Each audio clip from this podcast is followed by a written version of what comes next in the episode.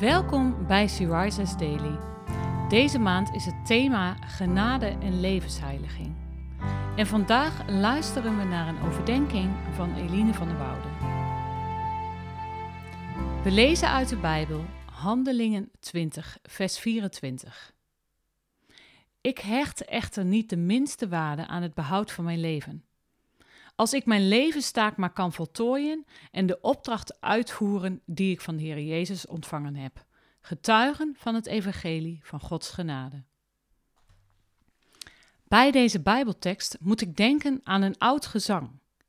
Het gaat zo.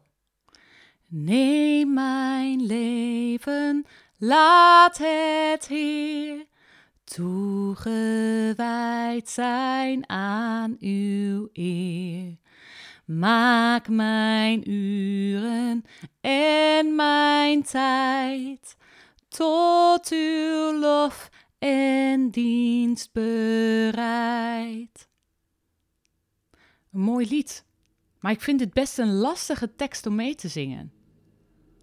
Want is dit echt mijn oprechte verlangen?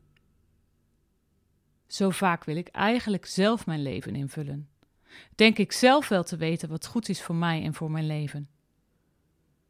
Durf ik echt te zingen? Neem mijn leven, laat het Heer toegewijd zijn aan uw eer? Of zoals Paulus het zegt in dit Bijbelvers: Ik hecht echter de minste waarde aan het behoud van mijn leven. Ik vind het best moeilijk om te beamen. Toch zit in mij een diep geloof geworteld wat zegt: Als ik mijn leven toewijd aan zijn eer, kan het alleen nog maar beter worden. Ik geloof dat het me zal verrijken, verruimen en dat het tot zegen zal zijn voor anderen en mijzelf. Ik geloof ook dat het mijn doel is om mijn leven in te vullen tot Zijn eer. En ook al vind ik dit niet gemakkelijk, ik weet gelukkig ook dat ik bij God mag struikelen en opnieuw mag beginnen. We hoeven het niet in onze eigen kracht te doen. Neem mijn leven, laat het Heer toegewijd zijn aan uw eer. Kan jij die woorden van dit lied meezingen vanuit het diepst van je hart?